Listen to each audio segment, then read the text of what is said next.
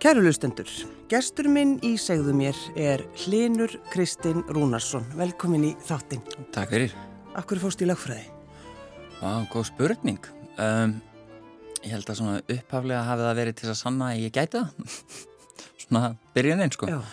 En ætli að ég fórtíði mín ekki einhver, einhver tátti því. Þurftur að sanna það fyrir sjálfum þér eða öðrum? Var það það sem varst að pæla? Sjálfur mér. Já. Það var svona meira svona uh, kannski að sanna að ég hefði ennþá getu Mm. til þess að geta lært. Af því ég var góða námsmaður áður en ég litist út í neyslu. Og ég held svona djúft undir öllu að þá hafi verið þessi ótti um að ég væri búin að skada sjálfa mig svo svakalega að ég myndi ekki geta það Mm.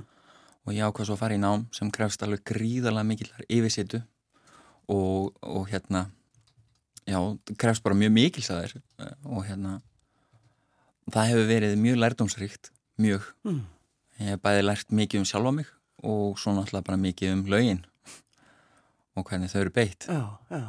Og þú situr núna, uh, ert að skrifa bíaritgerna. já, það passar Já, og, og segðu okkur hans frá henni.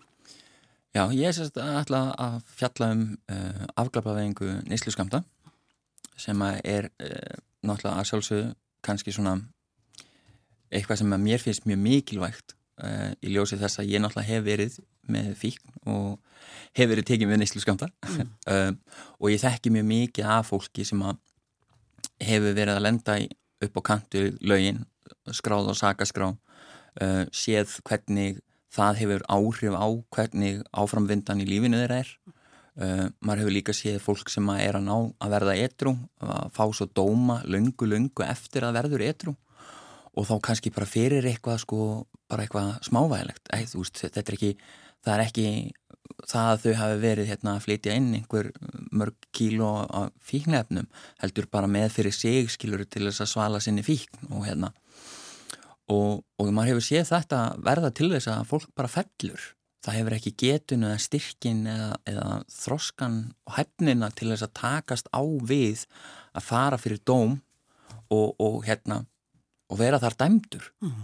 og ég held að það sem kannski fólk skilur ekki sem lendir aldrei í því að vera dæmt það veit ekki hvað það er og hvaða tilfinningu það hefur að, sérst, hver svo tilfinning er að sæta því að verða dómþóli og þannig já, ég ætla að skrifa um þetta vegna sem ég þykir þetta að vera mjög mikilvægt skref í, í fíknefnum málunum hér á Íslandi. Það er náttúrulega, uh, sko, umræðan byrjaði fyrir einhverju uh, síðan, Hlinur, sem var náttúrulega mjög ánægulegt þegar, uh, þegar fólk fór að tala um þetta og mikið, sko, fólk er svo ósamála.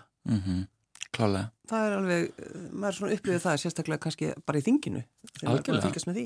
Algjörlega, uh, Píratar setti náttúrulega fram uh, frumvarp, hún haldur á mögusinn uh, á samtöðurum og það var felt á, á þinginu sem var mjög sorglegt ég tók alveg góða tilfinningarsveifli við því. Og hérna en það er náttúrulega auðvitað sko þegar það er svona málefnið þú veist það er búið að innprenta í okkur í mjög mörg ár að, að hérna stríðið gegn fíknefnum sé að skila árangri. Að, að með bann, banni, með refsingum séum við að takmarka aðgengi að þessum efnum og þar að leiðandi við það aflétta þeim bönnum og þeim refsingum að þá hljóti bara allir að fara og nota fíknefni, mm Mhm. skilur og það er í raun og veru ekki raunin. Frambúða eftirspurn veist, er til staðar. Uh, frambúða á efnum í dag er gríðalegt og, og þessi bannstefna hefur ekki náð að þessum tilætluðum uh, markmiðum sínum að hindra uh, já, aðgengi að þessum efnum. Mm. og forvarnir okkar þótt þær séu margar góðar að þá vantar kannski aðeins upp á á mörgum svöðum Hvað ertu búin að vera eitthvað lengi, Hlinur? Um, ég er búin að vera eitthvað síðan um, 27. mæ 2019 Mm. og það er einhver tvö ár, nýju mánuður og einhverju dagar, held ég. er alltaf En hver er að telja? Hver er að telja? Hver að telja? Kannski mamma þín. Já, öruglega. En Hlinur, þegar þú, uh, sko, þú ert þekktur fyrir, uh, það er von, Já, þekktur fyrir það já, og svo ertu þekktur fyrir að hafa verið í fangelsi já, í Brasilíu. Já. Uh, og þegar ég talaði við í gær, þá nefndur það einmitt ég, uh, ég ætla ekki endilega að tala mikið um, næni, um það. Nei. Ekki um, um fangelsisvistina sjálfa. Nei. Og það er út á hverju. Já, sko, uh, það er náttúrulega bara, það eru sjónamið þarna uh, um það, hérna, þegar maður tekur svona slæma ákvörðun og, og maður fer og lætur handtaka sig í, í öðru landi, mm. fjölmiðlar fjalla gríðarlega mikið um það og, og í raun og veru áreita alla fjölskylduna, að þá verður náttúrulega ákveðið svona áfall í fjölskyldunni. Þú veist, það er ekkit lengur bara ég að taka út mína refsingu, heldur að öll fjölskylda mín að verða fyrir refsingu, fyrir eitthvað sem ég er að gera. Og það setur náttúrulega rosalega í fjölskyldu minni þessi umfjöllun sem var, hún var mjög óvægin og, og það var farið mjög ljótum orðum um mig og þá sérstaklega líka í kommentarkjárunum þar sem var látið mjög mikið flakka. En ég hefði þess að áður en það gerist þá hefði fengið vinsældir út og það hafa skrifað pistil sem var mjög vanhugsaður 23 ára gamal og hérna og hefði já, komið mér upp á móti sérst, hóp feminista sem að hötuðu mig alveg mm. eftir þá og hafa hatað mig alveg síðan þá. Já, ég mann eftir þessum já. Við þurfum ekki, sko, nei, þurfum ekki að tala um hann. Nei, akkurat. nei, þannig, já, já, en, en sko... En ég sérst, hef verið sérst um, takmarkað opinn með þessa lífsreynslu já.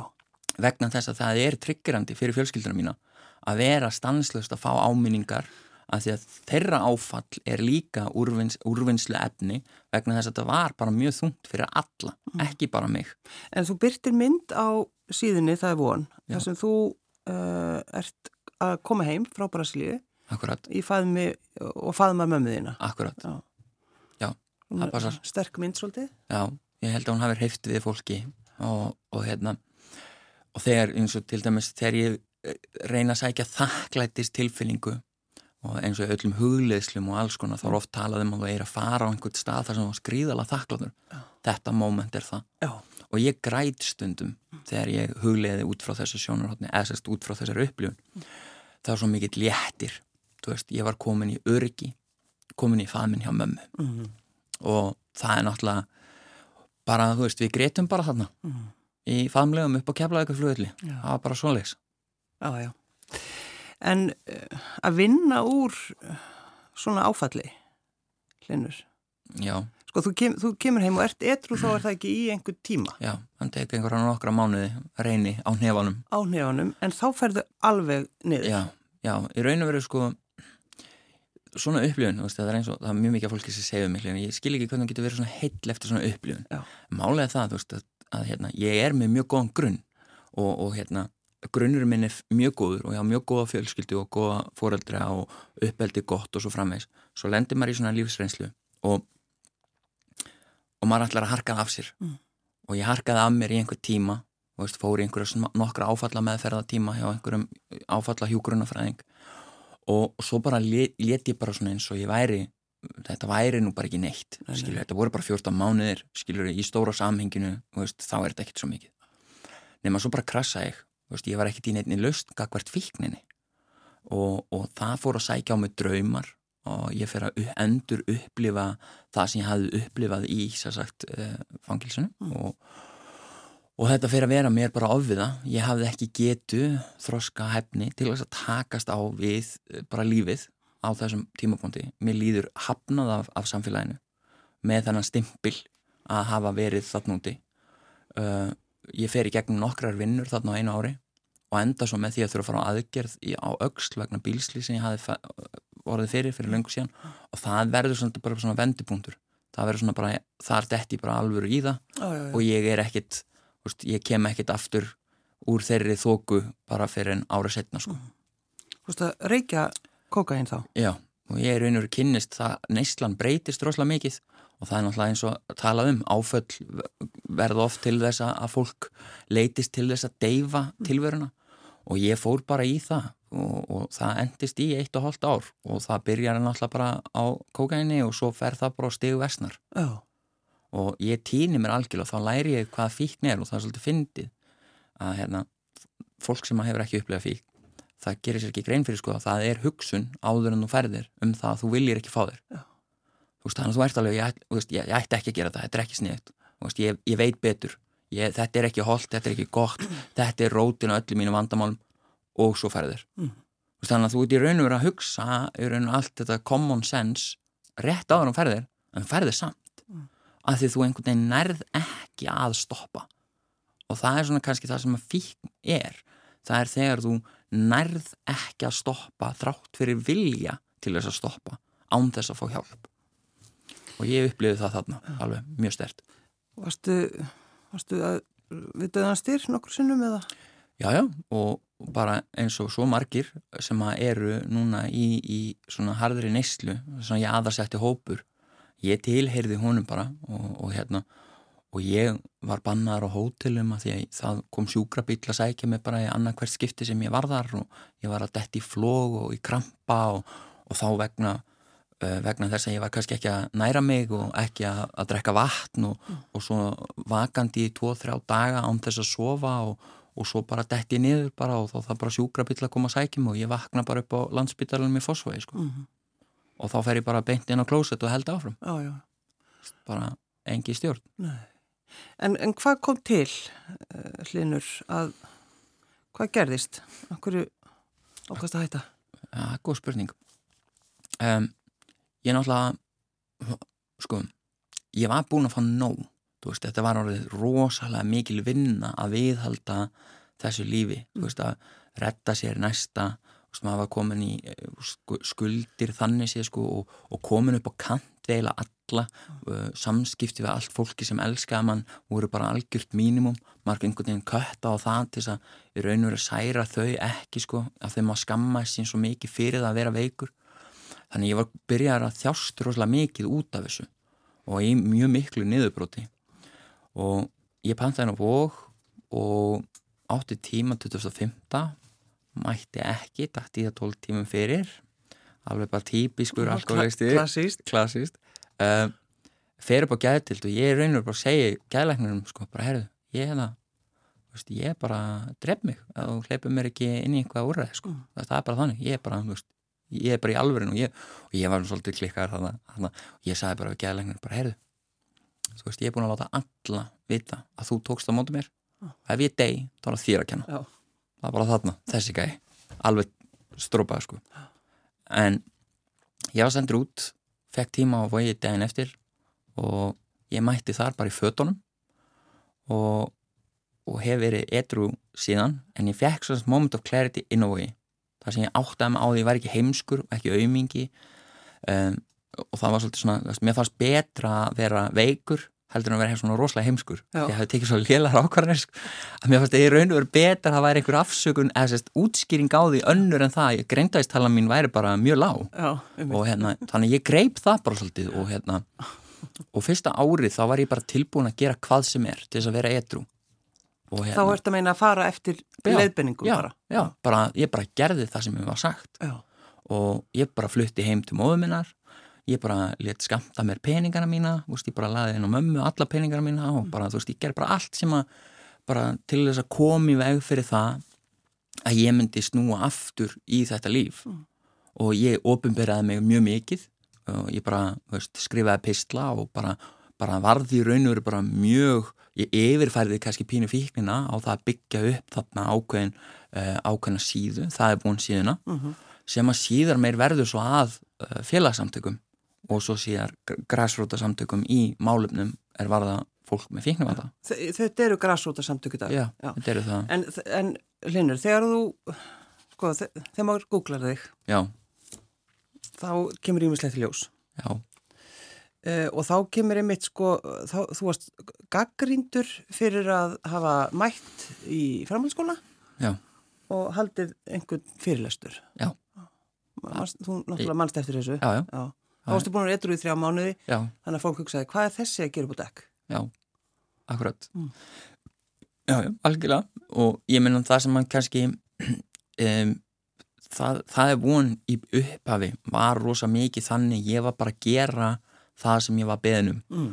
og, og ef einhver var að byggja mig um einhver aðstóð að einhverju tægi og, og hérna vildi að ég myndi komi eða vildi að ég kemi einhvert og segði frá minni sögu og ef saga mín gætt nýst einhverjum sem var þarna úti til þess að taka betri ákvörðanir en ég að þá í raun og veru var ég bara til í það Já. ég var bara til í að segja minni sögu for the greater good, þannig sá ég það Mhm.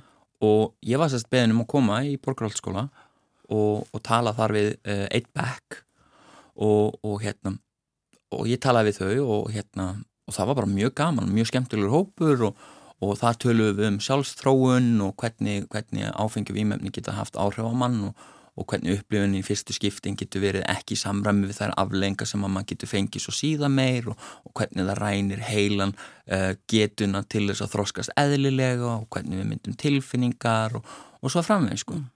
Og það var bara, það var náttúrulega mjög mikið gaggrinni á það að ég væri mitt bara etru í þrjámáni Já en það er svolítið fyndi að það skoða enginn hvað ég var að segja. Nei, það er náttúrulega kannski bara ekki einn skemmtilegt. Nei, Nei. það er náttúrulega að finna við það sko, það heldur allir að ég væri að fara einhverja svona buppaherferð þar sem ég talaði um hvað var geggjað að vera undir áhrifum og málega bara það, mér fannst það ekkert geggjað. Nei. það er ekki, mér finnst þegar ég líti yfir mína neslisögu þá er hún bara stráð leiðilegum tilfinningum og þótt að hafi kannski verið einhver skipti þar sem er með leið vel að þá er ég alltaf að fixa mig. Ég var alltaf með huglega þrá ekki uh. huglega þrá ekki er bara ekkert skemmtileg. Það er ekkert gaman, ég var ekkert að djamma. Veist, ég var ekkert að skemmta mér.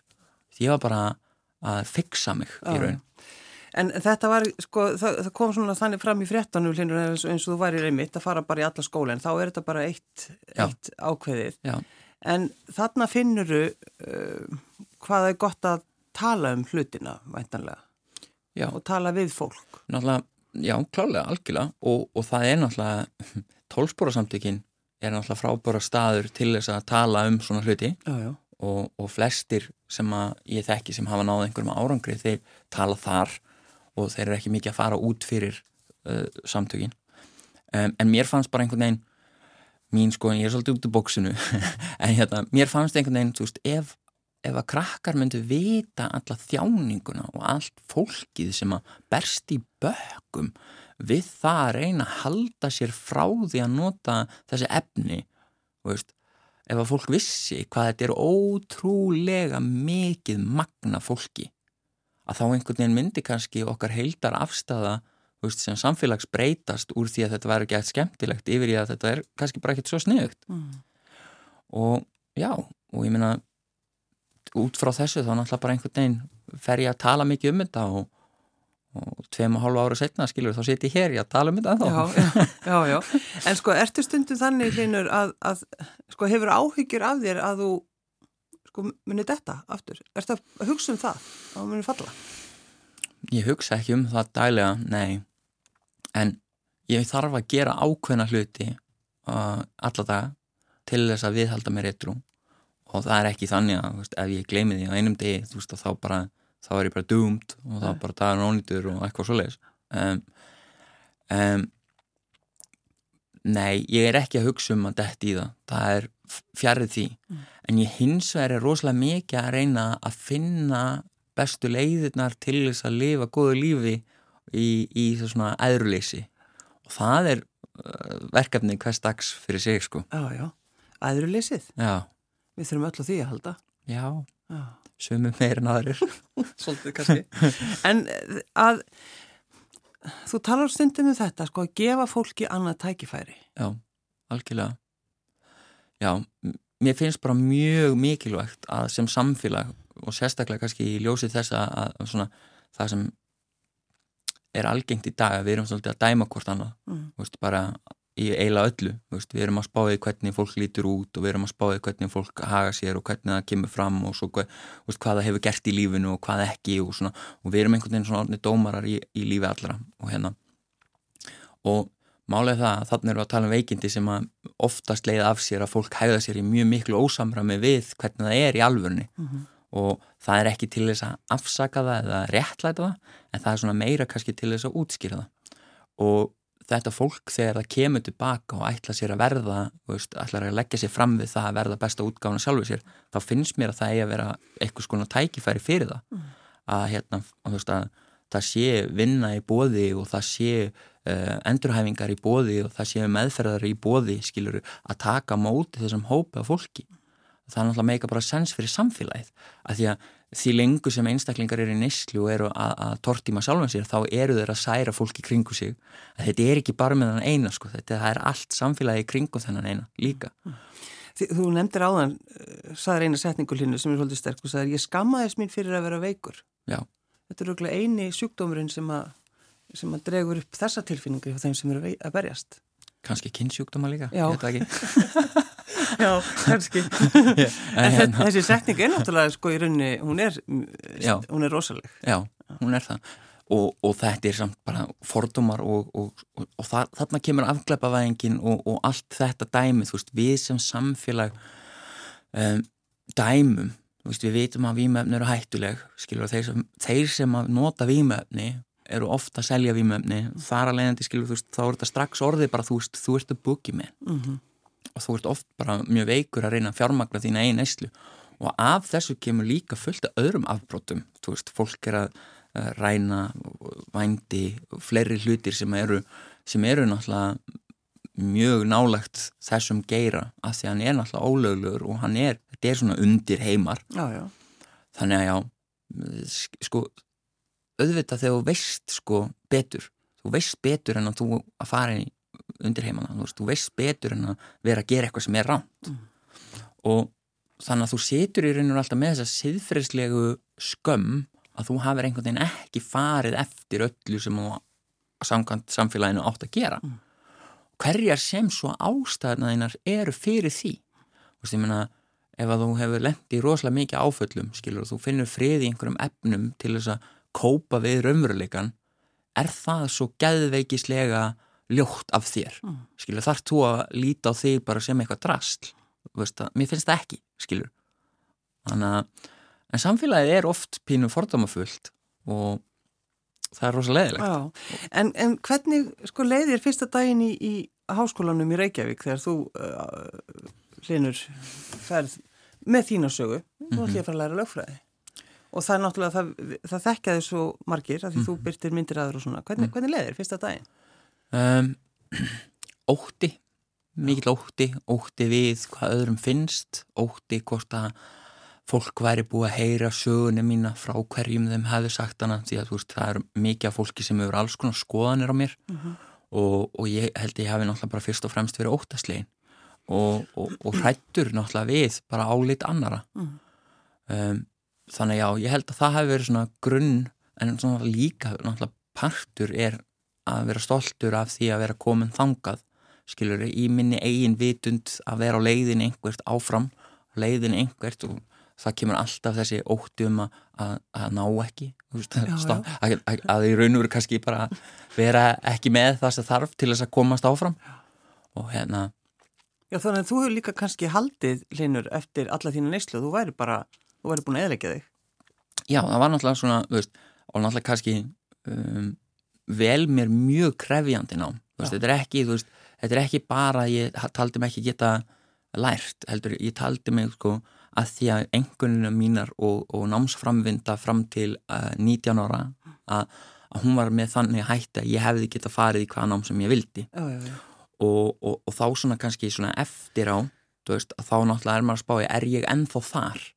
Það er svona meira það, sko, og hérna, Og hvernig leiði til dæmis eftir fyrsta prófið? Veist, ég held ég að fara bara að gráta Já, sko. já, já. bara, þú veist, bara því að það var svo erfitt og bara, ég, leið bara þess að ég væri bara algjör gulli sko. og hérna, en svo er bara eins og háskólinn þetta er ekki, þú veist, þeir sem hafa farið í háskóla þetta snýst rosa mikið um aga snýst um að, að viðhalda sér við efnið, halda fókus og svo framvegs og, og það hefur gengið upp og ofan en ég meina, ég hef náðu öllu hingað til og, hérna, og komin á sagt, fimmtu önn að skrifa BR-ítgerð. Þannig að ég er mjög ánað með það. Hvernig lögfræðingur ætlar að verða, hlinur? Úf, Veistu það? nei, ég veit ætlar nefnilega, að gera? ég veit það nefnilega ekki alveg, sko. Það er, það er nefnilega, sko, margt í búði, margt sem er heillandi. Um, það er náttúrulega auðvita, um, kannski, það sem að, það er vonir, er svona barátta fyrir betra samfélagi. Mm og barátta fyrir að það verði breytingar í málaflokki. Þannig ég sé mig kannski fyrir kannski vinna í einhverju svoleið störfum sem að kannski fara í það að reyna að bæta samfélagið. Um, það er oft spurt sko, oft hvort ég myndi vilja fara og verja veist, bara í raun og veru fólki sem ég þekki. Og hérna uh, og það hefur ekki verið sko veit það ekki? Eh, Nei, það er bara að finna við það sko, veist um, ég er ekkert svo viss um það Nei. að mér finn, finnist það heitlandi að, að hérna já, að, að fara fyrir rétt að, að verja fólk þú veist, nema þá að það sé eh, að því að sko lögfrækja getur ekki einhvern veginn tekið afstuð þú, þú verður bara að verja hann alveg saman hvað Jú, jú, og hérna, og ég held að svona meða við hvar ég er í dag, sko, heiðarleika prógrami og allt þetta, þá myndi mér finnast erfitt að, að presentera einhvern sem að kannski hefur eitthvað á samviskunni. Já, já. En þú, sko, þú ert mjög persónulegur í þínum skrifum á síðunni, það er von. Já. Er það bara meðvitað eða? Já, Já. það er með þetta. Um, það er kvót. Uh, as you let your own light shine, you unconsciously give other people permission to do the same. Og það er svona, mér fannst ég hafa það sem þyrti hvað var það uh, skrif, hæfni til að skrifa texta sem reyfa við fólki og ég hefði nú breytt bak til þess að um, þóla það að fólk myndi halda áfram að dæma mig Mm.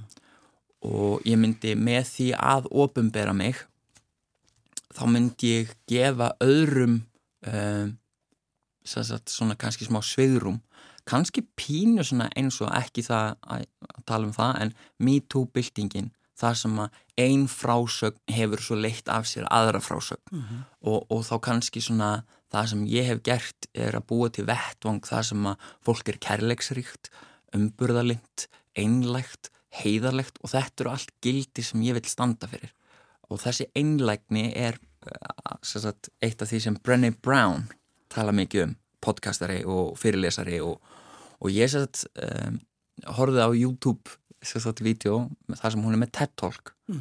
og hún talar um vulnerability sagt, það að vera opinskár og einlægur að það í raun og veru sé svona það hafi mjög dramatísk áhrif á allt samfélagi þegar fólk þóri því. Mhm. og ég ákvað bara að taka það bara til í hjartað sko. Og bara, og bara vera koma algjörlega til dýran eins og ég klættur og reyna að varpa sem minnstri glansmynd á þessum tímum glansmynda samfélags Mm. Það er sko, þú byrtir stundu myndaðir hlinur, sko, það er í rauninni bara svakalega myndaðir, það sem þú ert eflaust bara á þínum vestastað. já, Reyndar óþekkjanlegur. já. Það er eh, sko. Af hverju byrtir þessa mynd? það er margþvægt bæði er þetta áminning fyrir mig um hvaðan ég er að koma hversu veikur ég varð til þess að minna mig á að ein slæm ákvörðun getur leikt mig aftur tilbaka á þennan stað.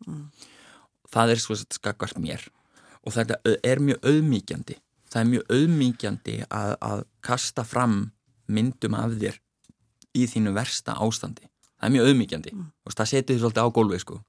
þú, ert, þú getur ekkit svefið um í hróka uh, þegar þú ert að byrta svona myndir mjög reglulega þér. Þannig að þetta er svona ákveð svona tjekka sjálfan sig af skilur, þú ert að koma þaðan verður nú ekkit að hlaupa í gunur með sjálfan þig um Nei. hver þú ert í dag. Þú, veist, þú ert að koma þarna og svo framins um, en svo er það líka fyrir fólki sem er á þessum slæmastað og, og, og jafnvel fyrir aðstanduð þeirra að sjá að þrátt fyrir það að ég hafi verið á svona rosalega slæmastað og borið þess svona rosalega mikið merki að hérna að þá hef ég samt náð að snúa við lífinu og með mjög afgerandi hætti.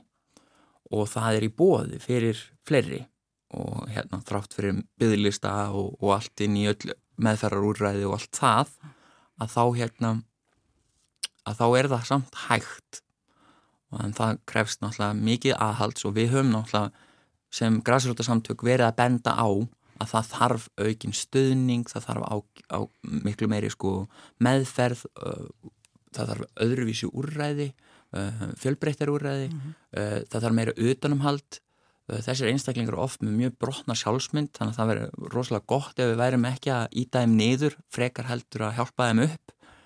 Þannig já, þetta er svona, og við höfum náttúrulega verið að kasta fram hugmyndum um hvernig megi bæta og gera og græja og hérna, í þessum máluflokki og svo höfum við séð umtalsvara breytingu síðast líðan tvö ár. Við höfum séð til dæmis samhjálp vera að step up their game í þess að stiga skrefið og gera betra utanumhald um sína skjólstæðinga inn á áfangaheimilinu hjá sér. Og við höfum séð önnur úrræði vera að gera því sama sem er mjög ánægilegt ekki það að það hafi eitthvað með okkur að gera en, en bara að rósa það sem rósi skilið Já, já, að, að finna svona leiðir, það er náttúrulega það, auðvitað. En sko, fó, fóst þú sjálfur í hlinur þegar þú komst heim frá Brasilíu, fóstu, þú veist, fegstu áfalla, fóstu í svona áfalla vinnu, fóstu, þú veist, gerður það allt saman? Já, þegar ég verði etru um, þá fór ég EMDR Já. og í EMDR-inu fekk ég náttúrulega bara vita svo fyndið kannski nefna það þar sem að ég er útvarpi að hérna áfull Maður, það er svolítið svona, ég var svolítið svona kallin sko og með minnum alltaf kent og róka og svona alls konar og ég er núna ég var nú ekkit áfallaður sko Nei, veist, ég var áfull var náttúrulega bara fyrir eitthvað fólk sem var, eh, þú veist, einhvern veginn ekki eins og ég og hérna mjög, mjög þroska viðhorfið að þannig og hérna, en það sem ég lærði var það að áföll eru ekki bara þegar einhver gerir á hlut þinn viljandi þú veist, með afgerandi hætti áföll eru alls konar veist, það getur verið breytingar á aðstæðum það getur verið breytingar á félagskap það getur verið svo alls konar dæmi sko, og, hérna, og það getur jafnvel verið aðstæður þar sem þú ert jafnvel ekki einu sinni uh, aðili að því sem er að gerast heldur þú áhorfandi að því sem er að gerast. Og, og ég einhvern veginn svona, hafði einhvern veginn aldrei hugsað það að ég hefði lendi í einhverjum áföllum. En þegar ég fer í EMDR að þá kemst ég að því að, að hérna, ég hefði lendi í nokkrum áföllum sem þurftu og, og kröfðust þess að ég myndi vinna úr þeim. Sem að voru svona aðstæðir sem að kannski letu mér líða vannmáttur og, og hérna að ég hefði ekki gert nóg í aðstæðum sem ég hafi verið í. Mm. og það er svona eftir að liti sko, veist, í gegnum þessa vinnu að þá fæ ég algjörlega nýja sín á þessi að því að það er undirleikjandi trú sem kemur út frá þessum áföllum um það að ég sé ekki nóg og, og, þú veist þrótt að enginn hafi sagt það eða meint það eða gert það eða á minn hlut að þá er það samt einhver, eitthvað sem ég uh, sjálfur uh, segi sjálfur mér og tek svo með út í lífið. Sem að svo einhvern veginn verður svo þessum byllandi minnum átt að kent stanslösi samanburður og svo framins Já, já. og í EMDR meðferðinni þá fæ ég aðra sín á þetta allt saman og hún, svo gaman sko, þá, maður fær svona að horfa og, og, svona, og svona fram og tilbaka sko, og það er svo fyndi að ég fann breytingar, bara ég fann í raunveru bara eins og það væri eitthvað að reyfast inn í mér, það er mjög skrítið sko. Þannig að þú flegðir þessu öllu út, Já, ég öllu breytti, úrvinnslu. breytti viðhorfinu Já. og þessari undirliggjandi trú Mm. Það er magna sko áfalla meðferðir eru uh, bara lifesavers Já, já. Ferði alltaf á aðfundi? Herðu, já, maður ávist ekki að segja það Nei, já. Allar svo reglu, já. Já, Ég tek þessa spurningu tilbaka. Já, en ég, já, ég stundi tólspora samtök. Já, við getum miskusti sagt að þú hérna, ferði upp í bílinn og keirir á einhvern fund, hittir eitthvað fólk. já, já. Ég, ég fer á tólspora fundi og hef gert alveg síðan ég varði ettrú Já, og, og, hérna, og það er bara frábær félagskapur fólk sem hefur reynslu sem hefur gert þessa hluti áður og getur alltaf miðlað einhverju þannig að læri maður svo margt, mikil þroski bóði og, og svo framvegis já, nú ertu búin að vera edru í næstu þrjú ár. Já. Er skömmin ennþá? Ertu búin að losa þig við skömmina, Linur?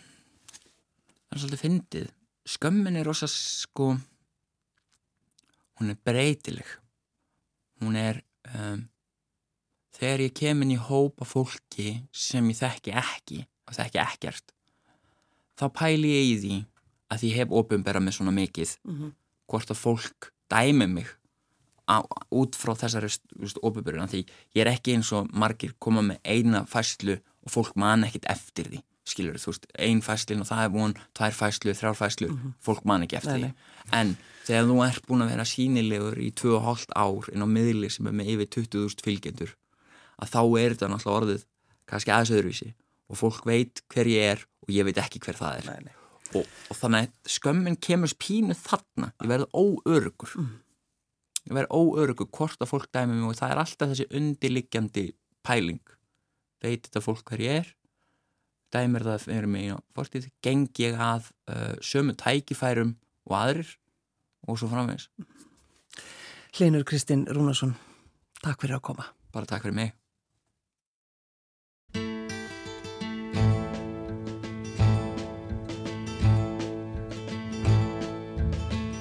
If I were a carpenter and you were a lady, would you marry me anyway? Would you have my baby? If you were a carpenter and I were a lady, I'd marry you anyway. I'd have your baby. If a tinker was my trade, would I still find you? I'd be carrying the pot you made, following behind you. Save your love through loneliness, save your love through sorrow. I gave you my onlyness, give me your tomorrow.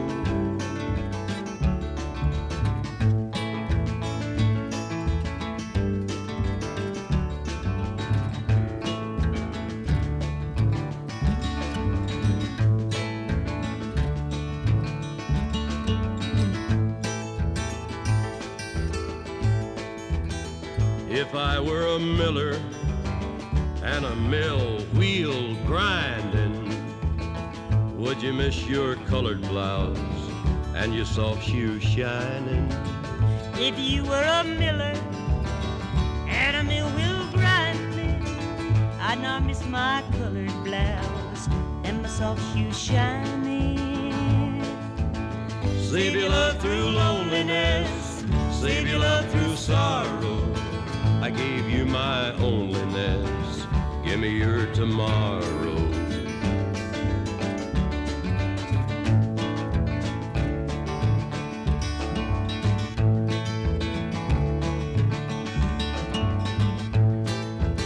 If I worked my hands in wood, would you still love me? I'd answer you, yes, I would. And would you not be above me? If I were a carpenter and you were a lady, I'd marry you anyway. I'd have your baby. save your love through loneliness, save your love through sorrow. I gave you my onlyness, give me your tomorrow.